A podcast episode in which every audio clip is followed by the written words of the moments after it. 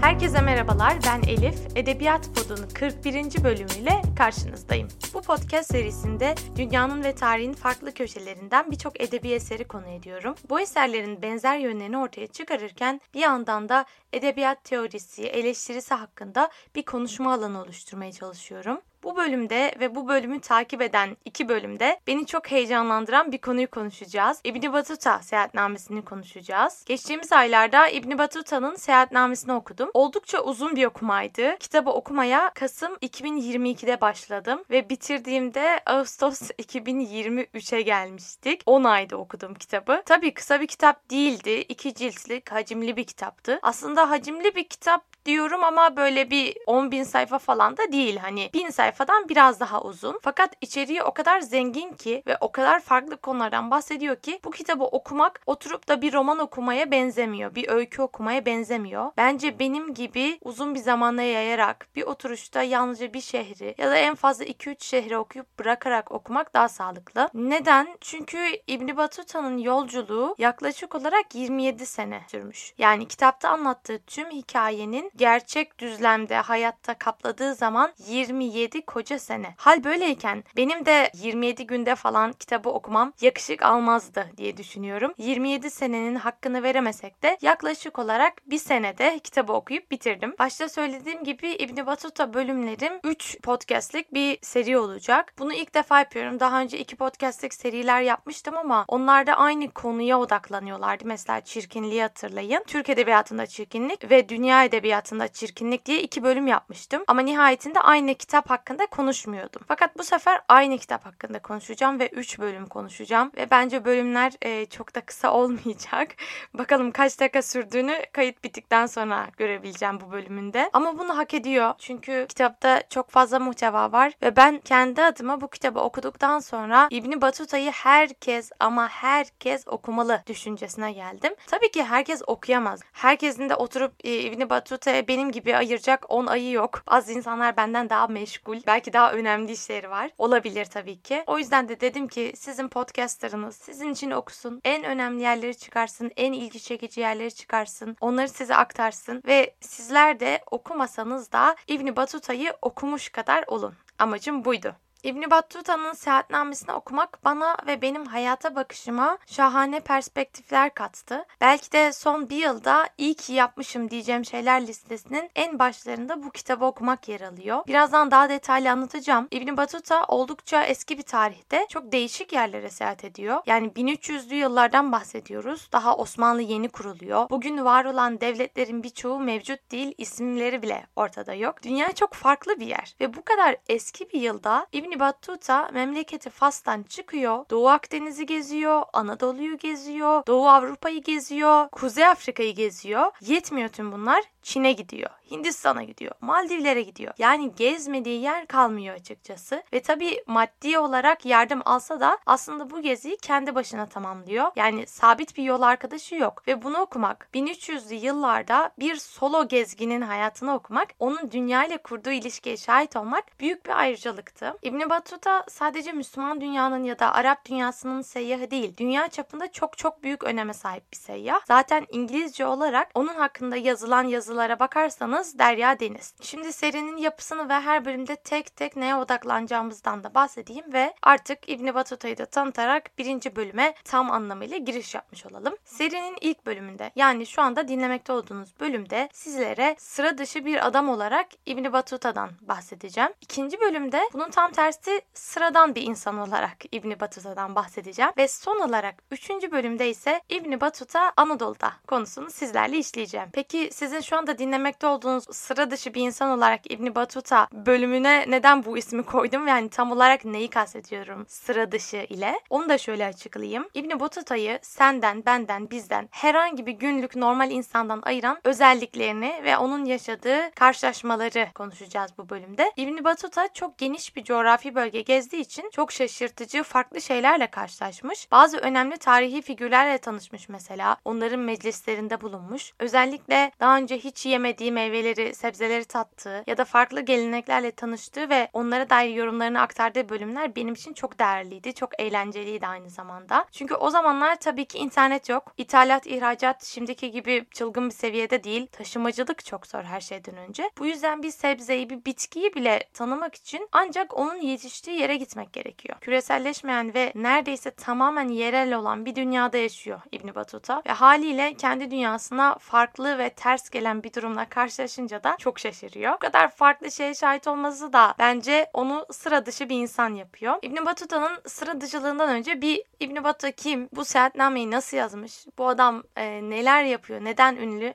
Onu konuşalım. Sonra da seyahatnameden çeşitli sıra dışı alıntılarla devam edelim. İbn Battuta 1304 yılında Fas'ın Tanca şehrinde dünyaya geliyor. Ailesi İslami ilimlerle hemhal olan ve birçok kadı yetiştirmiş bir aile. İbn Battuta da yine ailesi gibi eğitim alıyor ve henüz 22 yaşındayken hacca gitmek amacıyla yaşadığı şehirden çıkıyor. Çıkış o çıkış arkadaşlar. Bir çıkıyor şehirden 27 yıl sürecek bir maceraya atılıyor. Tabi o zamanlar uçakla aktarmasız sefer olmadığı için deve sırtında, at sırtında geze geze gidiyor hacca. Mısır'ı, Filistin'i, Suriye'yi hep bu yol sırasında geziyor. Devamında hac vazifesini yerine getiriyor ve Hindistan'a gitmek istiyor. Bu kadar yolu kat etmişken belki de öyle düşünüyor. Ama deniz yolunda fırtına çıktığı için mecburen farklı bir yöne dönüyor ve nihayetinde bugünkü Irak ve İran'ı geziyor. Devamında Afrika'nın doğu kıyılarına açılıyor. Kıyı şeridinden güneye doğru inip önce Mogadishu'ya sonra Mombasa'ya ulaşıyor. Bugünkü Tanzanya'nın sahil şehirlerini dolaşıyor. Sonrasında Umman ve Yemen gibi Arap ülkelerini geziyor ve devamında podcast serisinin 3. bölümünde bahsedeceğimiz Anadolu'ya yöneliyor. Anadolu'yu oldukça detaylı geziyor. Türk beyleriyle tanışıyor. Hatta Orhan Gazi ve eşi Nilüfer Hatun'la da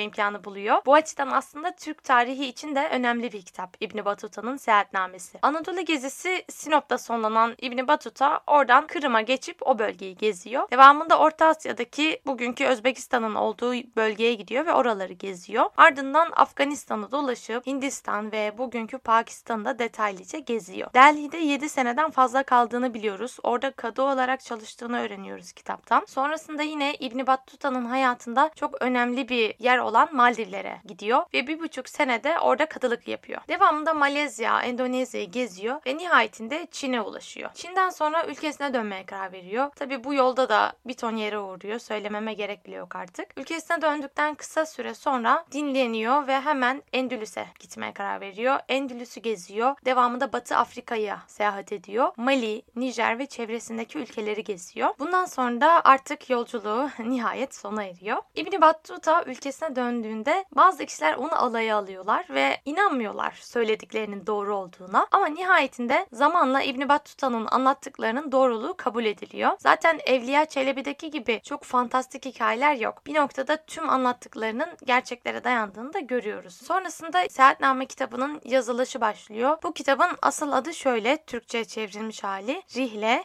iki nokta üst üste ilginç ülkeleri ve macera dolu yolculukları merak edenlere armağan. Ki bence bu çok tatlı bir detay. Yani bu açıdan eğer siz de ilginç ülkeleri ve macera dolu yolculukları merak edenlerdenseniz İbn Battuta'nın bu kitabını kendinize bir armağan olarak kabul edebilirsiniz. Ben öyle kabul ettim. Bu güzel yolculukta ilk olarak İbn Battuta'nın ilk defa gördüğü hayvanlardan bahsetmek istiyorum size. Bu şekilde de bu sıra dışı bir insan tarafına başlamış olalım. İbn kendi ülkesinde hiç görmeyip hatta varlıklarından dahi haberdar olmayıp gezileri sırasında tanıdığı dört hayvan türü var. İlki su aygırı, ikincisi gergedan, üçüncüsü Maldivlere özgü bir maymun türü, dördüncüsü ise uçan sülükler. Su aygırıdan başlayalım dilerseniz. İbn Battuta gezisinin sonlarına doğru Mali'ye gidiyor. Bundan bahsetmiştim ve orada 8 ay kaldıktan sonra yerli bir tüccarla birlikte dönüş yoluna geçiyor. Dönüş sırasında Nil nehrindelerken İbn Battuta hayatında ilk defa su aygırlarını görüyor. Hemen alıntıyı okuyorum. Körfezi geçtiğimizde kıyıda 16 iri hayvan gördüm. Hayretten küçük dilimi yuttum. Öyle kalabalık gözüküyorlardı ki fil sürüsü zannet. Sonra bu hayvanların nehre daldıklarını görünce Ebu Bekir bin Yakub'a dönerek nedir bu hayvanlar? Dedim. Bunlar otlamak için karaya çıkan su aygırılardır cevabını verdi. Bu hayvanlar attan daha iridirler. Yeleleri ve kuyrukları vardır. Başları at başına, ayakları da fil ayağına benzer. Onları ikinci defa Nil üzerinde Tumbuktu'dan Kavkav'a giderken gördüm. Suya dalıp başlarını kaldırıyor ve nefes alıyorlardı. Gemidekiler bu hayvanların gemiyi batırmalarından korktukları için karaya yanaştılar. Özellikle hayretten küçük dilimi yuttum gibi ifadeleri çok tatlı bence. Bir de bu bölümün devamında oranın yerli halkının su aygırıları avlayıp yediklerini de anlatıyor. İbn Battuta'nın bu ilginç hayvanlarla ikinci karşılaşması gergedan ile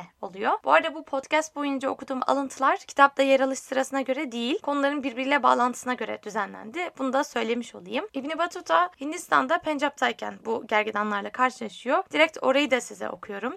Benjab diye bilinen Sint nehrini geçtikten sonra esas yola varmak için sazlarla dolu bir bölgeye girdik. Çünkü yol bu bölgenin ortasındaydı. Karşımıza kerketten denen hayvan çıktı. Devasa gövdeli, simsiyah, koca başlı bir hayvan. Bedeni filden küçük ama başı filden birkaç kat daha büyük gözüküyor. Başı gövdesiyle orantısız olduğu için özdeyişleri girmiştir. Kerketten res bila beden derler. Anlamı gergedan gergedan sade kelle yok beden. İki gözünün arasında üç arşın uzunluğunda bir karış eninde boynuzu var. Ürkünç hayvan karşımıza çıkınca asıllardan biri onun önünü kesmek istedi. Fakat gergeden zavallı ata öyle bir boynuz attı ki hayvan baldırı delinmiş bir halde yere yuvarlandı. Bu darbeyi indirdikten sonra bataklığa kaçtı. Onu yakalayamadık. Bu arada çeviride çok güzel. Özellikle hani deyimi çevirmişler ya gergeden gergedan sade kelle yok beden diye. Çok hoşuma gitti. Podcast çok uzayacak belki ama gergedan deyince Adret Dürer'den bahsetmezsek olmaz. Çünkü gergedanların hele ki Hint gergedanlarının Avrupa sanatı üzerinde çok önemli bir etkisi var. Bunu da size anlatmak istiyorum. Benim de çok sevdiğim Alman ressam Adret Dürer 1515'te Rhinoceros yani gergedan isimli bir gravür çalışması yapıyor. Ama burada resmettiği gergedan hayvanını daha önce hiç görmemiş. Zaten Roma İmparatorluğu döneminden beri Avrupa'nın herhangi bir yerinde gergedanlar yaşamıyor. Adret Dürer de bu gravürü daha önce bir gergedan görmüş olan anonim bir yazarın yazısından yararlanarak yapıyor. Ama tabii ki bu metinde anlatılanlara abartı karışmış. Adret Dürer de kendi hayalinde canlandırıp bir eser ortaya koyuyor. Derken karşımıza bildiğiniz savaş için sanki zırh giydirilmiş gibi görünen garip bir hayvan portresi çıkıyor. Ve tabii ki bu hayvanın orijinal gergedanla hiç alakası yok. Oldukça farklı. Ama gibi dizisinden alıntıyla söyleyelim. Kimsenin hiçbir şey bilmediği yerde herkes her şeyi bilebilir. Bu ilke burada da işliyor ve Dürer'in eseri çok popüler oluyor. Defalarca kez kopyalanıp Avrupa'nın birçok şehrine yayılıyor. Nihayetinde şunu görüyoruz ki 18. yüzyılın sonuna kadar Avrupalılar gergedanın gerçekten bu gravürdeki gibi bir hayvan olduğuna inanıyorlar. Bu gravürün hükmü ancak 1740 yılında Avrupa'ya Clara isminde bir gergedanın gelmesiyle sona eriyor. Bu dişi gergedan Hindistan'dan getiriliyor ve 17 sene boyunca çeşitli Avrupa şehirlerinde tur halinde sergileniyor. Yani Avrupalılar İbn Battuta'nın şaşkınlığını muhtemelen ancak 1740'larda yaşıyorlar. Gergedan İbn Battuta'yı şaşırttığı gibi onları da şaşırtıyor. Bu açıdan da gergedanların hakikaten nevi şahsına münhasır hayvanlar olduğunu e, iddia edebiliriz gibi. Biz devam edelim. İbn Battuta'ya geri dönelim. Onun maymun ve uçan sülüklerinden de bahsedelim hemen. Seyyahımız iki hayvanı da Sri Lanka'da görüyor. Öncelikle sülükler. Hemen alıntıyı okuyorum. Burada gerçekten uçan sülükler gördük. Onlara Zulu adını veriyorlar. Zulular su kenarlarındaki ağaç ve otların üstünde yaşıyor. Bir insan Zulu kuyuya yaklaşınca ansızın atlar bu hayvan ve vücudun neresine yapışırsa hemen doymaz. Ciddi miktarda kan emer. Çevirmen not olarak bu hayvanın latince ismini de yazmış. Ancak ben internette arattıysam da bulamadım. Yine de oldukça korkunç bir deneyim olmalı bununla karşılaşmak. Maymunlar da hakeza çok enteresan. Burada hem maymunların kendi aralarındaki ilişkideki hiyerarşi hem de daha garibi insanlara tecavüz etmeleri söz konusu. Burayı da okuyorum. Çok ilginçti.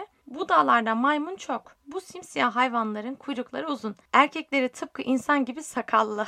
Şeyh Osman ile oğlu ve diğerlerinin bana anlattığına göre maymunların bir başkanı varmış. Hükümdar gibi itaat görürmüş hem cinslerinden. Hükümdar maymun başına ağaç yapraklarından bir şeyler sarar ve asaya dayanır. Sağında solunda eli sopalı dört maymun dikilirmiş. O oturunca dört maymun derhal onun başucunda beklemeye başlarmış. Ayrıca dişisi ve yavruları her gün gelip önünde el pençe divan dururmuş. Diğer maymunlar huzura çıktıklarında hükümdardan daha öteye çömelir bir hayli mesafeli otururlarmış. Sözü geçen dört maymundan biri biri bir şey söyleyince tüm maymunlar sırtlarını çevirip çıkarlarmış huzurdan. Daha sonra her birinin elinde muz, limon veya benzeri bir meyveyle geldiği görülürmüş. Meyveleri hükümdar ve dört yaveri ile yavrular yermiş afiyetle. Juki'lerden birinin bana anlattığına göre dört maymun hükümdar huzurunda bir maymunu sopayla dövmüş ve tüylerini yolmuş. Alıntıyı burada bir keseyim. Juki dediği de bu arada yogiler hani yoga yapan, yoga uzmanı yogilerden bahsediyor. Alıntıya devam ediyorum.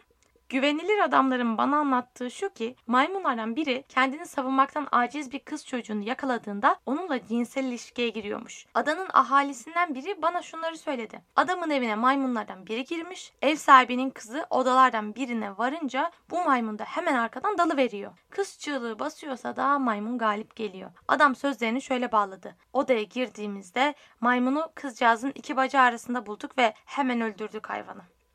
Alıntı burada bitti. Bunları okuduktan sonra kendimi düşündüm. En son ne zaman yeni bir hayvan gördüm? Sorunun cevabını bulmak düşündüğümden uzun sürdü. Çünkü biliyorsunuz biz tüm hayvanları internette, belgesellerde falan görüyoruz. Yani fiziksel olarak belki hiç gitmeyeceğimiz yerlerdeki en garip hayvanları bile biliyoruz. Hatta isimlerini bile zikredebiliyoruz sonuçta bu çağda. Ama ben bir cevap buldum kendi soruma. Aklıma geçen yaz bir hayvanat bahçesinde gördüğüm bir maymun türü geldi. Podcast için adını hatırlamaya çok uğraştım ama bulamadım maalesef. Böyle şeytan maymunu gibi bir şeydi ismi sanırım. Çok küçük bir maymun türüydü ve yüzü gerçekten şeytan imgelemelerine benziyordu. Ben daha önce fotoğrafını bile görmemiştim bu hayvanın. Hatırladığım şey şu. Bu maymunu görmek beni çok etkilemişti ve korkutmuştu da. Çünkü aslında sosyal medyada her gün farklı veya sıra dışı, rahatsız edici görüntülerle kuşatılsak da gerçek anlamda daha önce görmediğimiz bir hayvanı, bitkiyi görmeye hasretiz sanırım. Bu bize hala şaşırtıyor. Gariplikler zamanında hayrete hasret yaşıyoruz yani. Benim bu korkunç maymunu da geçebilirsek, o travmayı atlatabilirsem ben bu Jukilerden yani yogilerden de bahsedeyim. Biraz önce zaten size söylemiştim. Şu an ülkemizdeki ve dünyadaki her 3 insandan 5'i yoga yapıyor. Bunu biliyoruz. Ama eminim 1300'lü yılların Asya'sındaki gibi deneyimler yaşayan çok değildir. İbn Battuta yogilerin bu yüksek konsantrasyon halinden çok etkileniyor ve özellikle oruçlarına ve fiziksel becerilerine çok şaşırıyor. Şöyle bir alıntı vardı mesela kitapta. Juki tayfasının pek şaşırtıcı özellikleri duyulur bilinir. Mesela kimi aylarca ağzına bir lokma koymadan bir damla su içmeden yaşayabilir. Onların çoğu yer altında kendileri için kazılan çukurlarda kalmakta, üstlerine de ev yapılmaktadır. Bu şekilde başlıyor İbni Batuta anlatmaya ve bazılarının bu deliklerde bir sene boyunca hiç dışarı çıkmadan yaşadığını duyduğunu söylüyor. İbn Battuta Hindistan'da Mangaluru şehrinde, bugünkü ismi de bu mudur bilmiyorum ama kitapta böyle geçiyor. Yogilerden ders alıp ilim öğrenen Müslüman bir adamla karşılaşıyor. İbn Battuta'nın gözleri önünde bir masa üstünde yemeden, içmeden tam 25 gün boyunca oturuyor. İbn Battuta oradan ayrıldığında da adamın hala bu halde devam ettiğini söylüyor. Ayrıca İbn Battuta'nın duyduğu söylentilere göre bu yogiler bir hap üretip onu yutuyorlarmış. Biraz fütüristik geliyor ama bu sayede açlık ve susuzluk hissetmeden uzun süre yaşayabiliyorlarmış. Ayrıca yine e, İbn Battuta'nın bize aktardığı dedikodulara göre eğer yogiler bir kişiye sinir olursa o kişiyi sadece bakışlarıyla öldürebilme gücüne sahiplermiş. Bir de son olarak yogilerin çoğunun vejeteryan bir beslenme düzeni benimsediğini ve asla et yemediklerini de anlatıyor. Tüm bunların ardından iki tane daha sıra dışı nokta anlatıp konuyu sonuca bağlamak istiyorum. Bunlardan ilki bu sefer bir meyve ile ilgili. İkincisi ise biraz korkunç bir konu. Onu en sona saklayacağım. Meyve dediğim bildiğimiz Hindistan cevizi. Seyahatnamede Hindistan cevizinden o kadar çok bahsediliyor ki. Anladığım kadarıyla İbn Battuta bu meyveyi çok da seviyor ve özellikle Maldivler'deyken sık sık Hindistan cevizinin ne kadar harika, ne kadar yararlı, ne kadar çok yönlü bir meyve olduğunu anlatıyor. İlk alıntı şöyle. Nargil denen şey aslında Hindistan'a özgü cevizdir. Dünyanın en garip, en hayret verici ağacı dense. Uzaktan bakınca hurma sanırsın palmiye gibi. Ancak biri ceviz veriyor, diğeri hurma. Nargil iki göz ve ağız gibi delikleri bulunması nedeniyle insan başına benziyor. Etrafında saça benzeyen lifler var. İbn Battuta'nın hayal gücünü de burada görüyoruz ve teşbih konusunda oldukça başarılı bir insan. Tabi İbn Battuta da her seyahta olduğu gibi böyle her şeyi bilme, sağlık konusunda tavsiyeler verme, kür tarifleri verme gibi özellikler de var. Onları da okuyorum hemen. Başlıyor İbn Battuta. Bu bitkinin ilginç yanlarından biri de yağ, süt ve bal kıvamında yenebilmesidir nedir? Devamında her birinin tek tek tarifini veriyor. Ben onları buraya almadım çünkü gerçekten uzunlar. Oturmuş yani Hindistan cevizinin yağı nasıl çıkarılır? Tarif veriyor bildiğiniz. Sonra işte bunu süt olarak nasıl koyarsın da içerisinde tadı nasıldır? Devamında bu işte hani bal kıvamında bunu nasıl yapacaksın? Hepsini anlatıyor. Benim bunlar arasında en çok ilgimi çeken şey Hindistan cevizi yağının kadınların saçları için çok faydalı olduğunu söylemesi oldu. Çünkü gerçekten bugün hala Hindistan cevizi yağıyla saç bakımı yapılıyor ve belki saç maskesi falan kullanıyorsanız hakikaten birçoğu da Hindistan cevizi özlü oluyor saç maskelerinin. Hele ki nemlendirmeye yönelikse. Yani bu Hindistan cevizine dair bilgi ve fayda demek ki neredeyse kadim bir e, bilgi. Çok daha eski yıllarda da İbn Battuta'nın kitabında bunu görebiliyoruz. Bir de İbn Battuta e, Hindistan cevizinin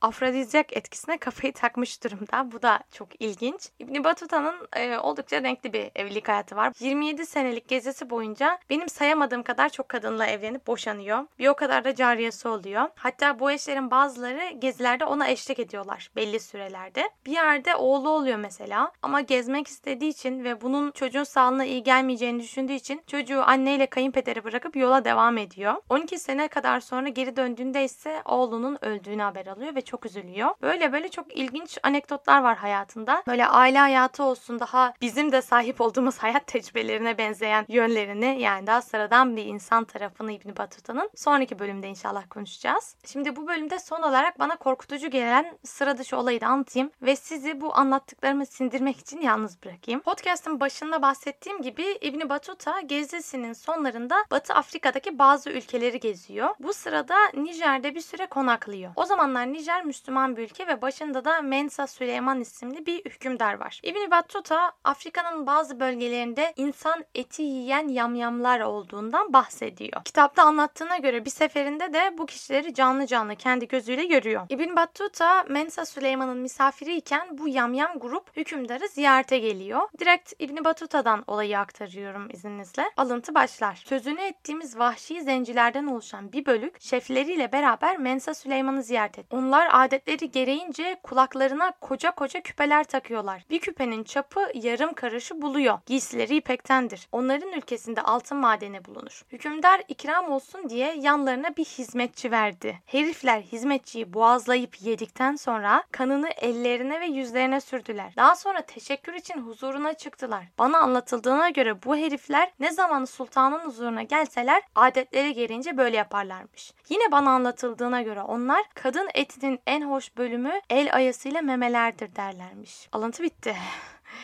ne yorum yapsam ee, bilemiyorum ama şunu da aktarayım. Yine seyyahımızın aktardığına göre Mensa Süleyman bir zamanlar yalan söyleyen bir kadısını yamyamların ülkesine sürmüş. Ancak bu kadı beyaz tenliymiş ve kadı o ülkede 4 sene sürgün kalmasına rağmen yamyamlar onu yememiş. Çünkü beyaz adamın etinin çiğ olduğunu ve bu yüzden zararlı olduğunu düşünüyorlarmış. Ama zenci etinin tam yenecek kıvamda ve lezzette olduğuna inanıyorlarmış. Çok garip gerçekten hani Burası üzerine daha ne yorum yapabilirim bilmiyorum. Yamyamlığın gerçek olduğuna dair şeyler duymuştum. Ama böyle direkt İbn Battuta'nın gözünden bunları görmek, okumak hakikaten e, insanı bir ürpertiyor, yalan yok. Bu bölümde anlatmak istediğim gariplikler bu kadardı. Kitapta bunun onlarca katı olsa da ben en çok şaşırdıklarımı anlatmak istedim. Hayatı hayret makamında yaşamak benim hedeflerimden biri. Yani yaratılanlara karşı her sabah tekrardan heyecan ve merakla uyanmak. Bana sorarsanız bu bir insanda olabilecek en güzel meziyetlerden biri. İbni Batuta'nın bu alanda rüştünü kanıtladığını inkar edemeyiz. Öte türlü neden bir adam 27 sene boyunca Sri Lanka'dan Nijer'e binbir tehlike atlatarak dünyayı dolaşır ki? Biz bugünün pasaportlar ve vizeler dünyasında bunu yapamıyoruz. O halde vakti zamanda bu işi beceren maceracı ruhları izlemek en güzel çözüm sanırım. Podcast'te dinlediğiniz için çok teşekkür ederim. Beni sosyal medyada